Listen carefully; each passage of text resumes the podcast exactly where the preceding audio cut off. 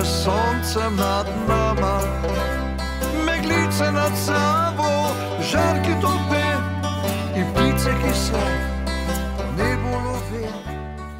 Ma smo se kopali, mi smo se kopali tam na zatočju Krke Save. Pa smo se kopali normalno, da tudi v Savo, ne, ne glih s hudim veselom, ampak smo se kopali in v eni in drugi. Pol si se šel v Krko mit, ne.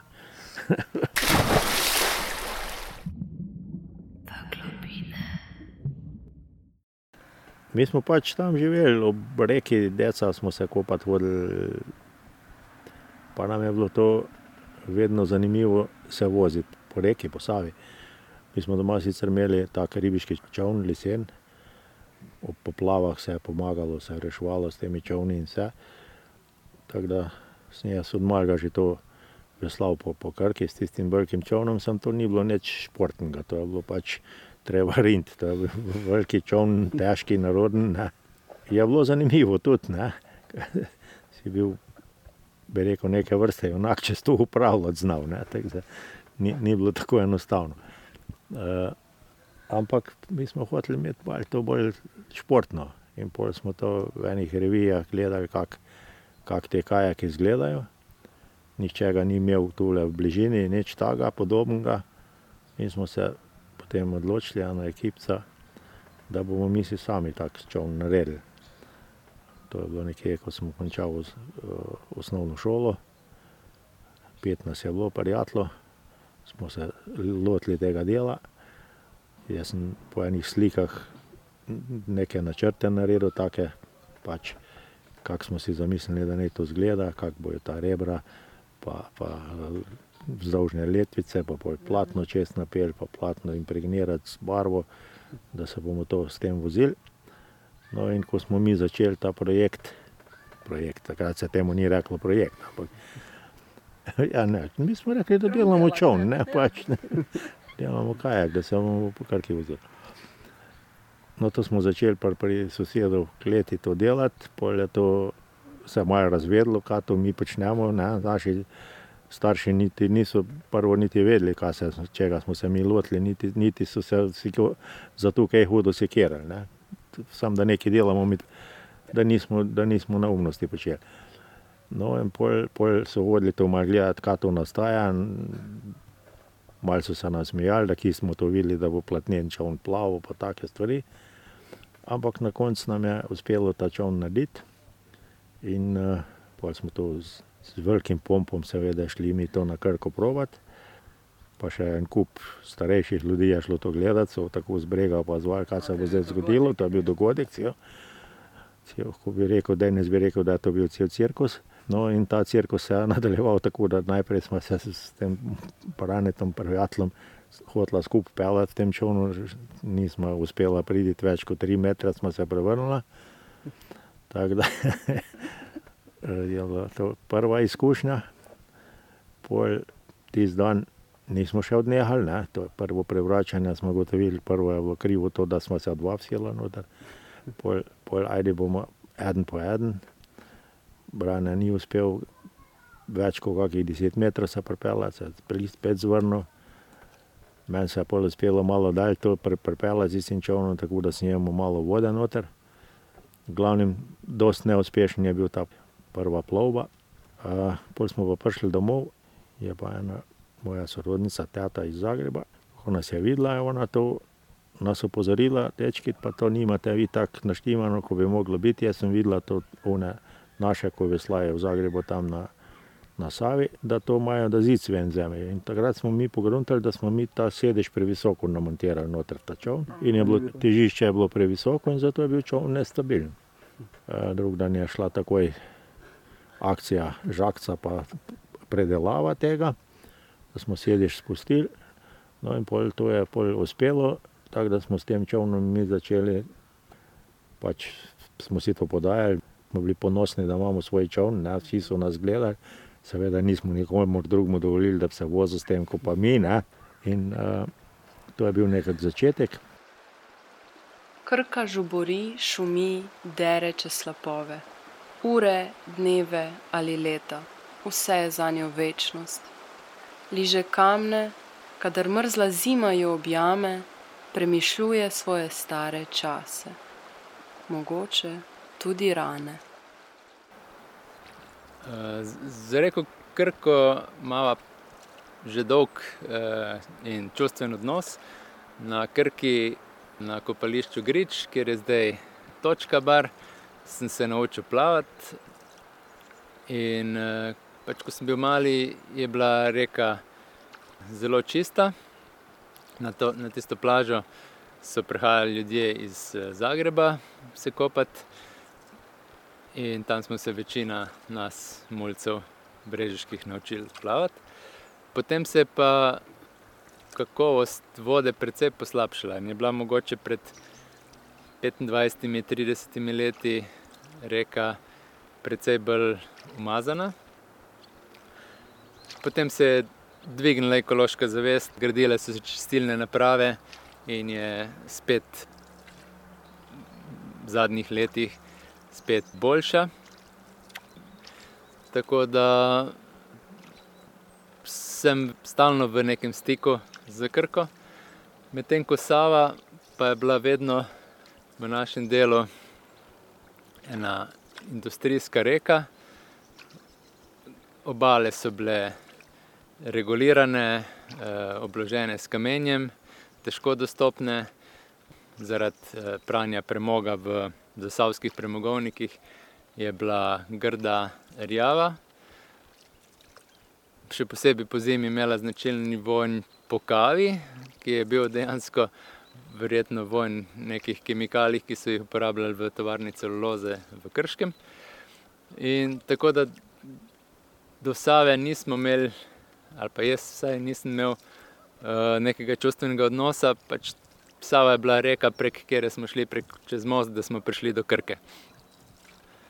V zadnjih letih oziroma po zaprtju premogovnikov, po prenehanju proizvodnje celuloze, po vgradnji čistilnih naprav gorvodno je tudi barva in kvaliteta Save se bistveno dvignila.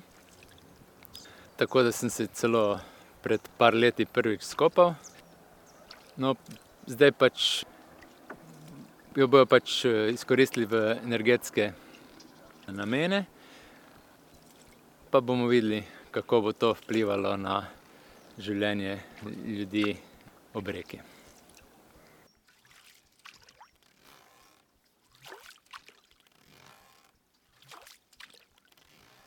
Tule nekje je bila ta Jermanova skala. Na sredi. Apnene Ime je dobila po tule enem Jermanu, Jerman so se pisali, so imeli gostilno, pa mislim, da tudi mesarijo leta nazaj. In je bila skala na sredini.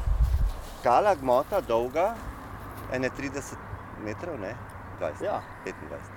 Pa široka je bila ene dvajset tudi nekje. Tudi sigurno, ja. Seveda še širše je bilo vse. Te skale ni več. Nekega dne so se Krčani zbudili in jo našli zminirano.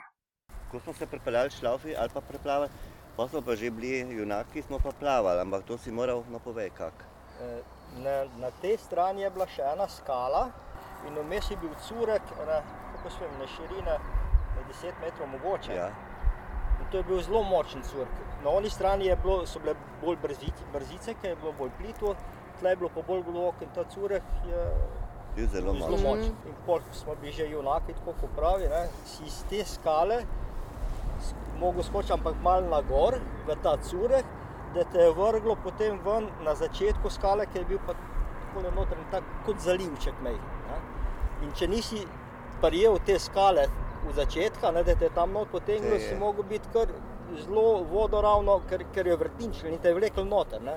Tako da je bilo kar malo navarno. In lahko. če nisi zagrabil, ne, to si pravi, skočil si na glavo, ne, moral. Na glavo, točno, ker je bilo levo in desno skale pa zelo. In pol, ene dva, trije zamahi in si več se zagrabil, če nisi, te je odnesel.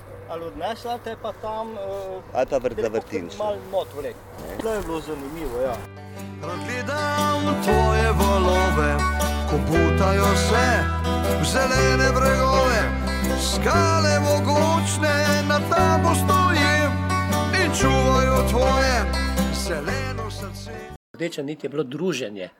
je bil nogomet, je bilo igranje, igra karkoli. Eh, prve tiste tinejdžerske skrite pogledi, glancing, veš, tisto rdečica, dotakniti se kao nehote. Mihalovcu, tam se je pa hodilo na pašo. Tam je stara mama nekaj časa imela uh, svinje, pa, pa kokoši, druga pa ne tam, ampak tam so se pasli krave, konje, jahat, konja, vrbini. To je bila šola življenja, to je nekaj čudovitega. Bila. Živina se je pelala na pit, ne vodo, potem smo se pa v tistem vrbenču živina pila, mi pa skakali tam v tisto isto umazano, srano vodo, ampak je bilo wow. Polet, ne, z te naše strani je bila žica, z druge strani so se pa bebe kopale, pa fanci so plavali, so mahali. Mla, ta mladost je bila, z druge strani so si klopi postavili, pa, mislim, klopi imeli in so uživali. Pač lepo, ne. Mene je strašno potrla ta žica. Mislim, to žico sem dojel kot nekaj pad v mene, fizično sem jo čutil. In mi je res zaradi te, te mladosti prevedel tam. Tisto prvo zimo, pa še drugo zimo, sem jo fotkal v vseh možnih časih dneva, jutra, v snegu, v ledu. Na meji s Hrvaško kmalo ne bo več žične ograje, to je sporočila ministrica za notranje zadeve Tatjana Bobnar. Odstranjevanje ograje bo dolgotrajno, kot je napovedala ministrica, bo trajalo več mesecev. Meni je to kot prvo sprostitev za dušo, to že delamo od, eh, vem, od tretjega leta, mislim, da naprej. Uh, za mene je to doživetje ob vodi.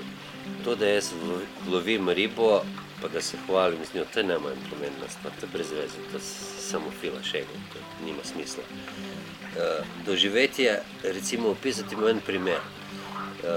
Som 237 cm, tle na trofejnem revirju, pri nas Brežice, trajalo je dve ure pa pol, bilo je dobesedno eno tako duhovno, ena duhovna izkušnja, Uh, žena je bila prek na drugi strani Save in je čakala celih dve ure pa pol, da vidi, kaj se bo zgodilo. Poleg mene sem imel uh, enega ful dobrega kolega iz Velenja. Uh, stvar je v tem, da, da tako ogromna riba na tako uh, light upremo, ne slabo upremo, dobiš v en fajt, ki, ki si ga zapomniš celo življenje. In na koncu smo totalno zmočeni, in on, in jaz. Jaz nisem več mogel, da ti iskreno povem, drug dan sem imel mosko fiber takšen, da se mi je mešala. Res, mišice so me vse bolele, to je katastrofa. Ampak on trenutek, veš, ko dobiš ribo, ko dobiš ribo ven, jo primaš v roke in jo pogledaš, pogledaš tiste očke, pogledaš jo kak celo, ne, ogromna riba, veš, kako to je 240 cm, to je res, imaš kaj za videti. Uh, najlepši del pa je definitivno to, ko ga lahko spustiš nazaj. To je pa tisti del, da vseeno ostane v vodi, vseeno, vseeno gre njegov življenjski cikl naprej. To je to.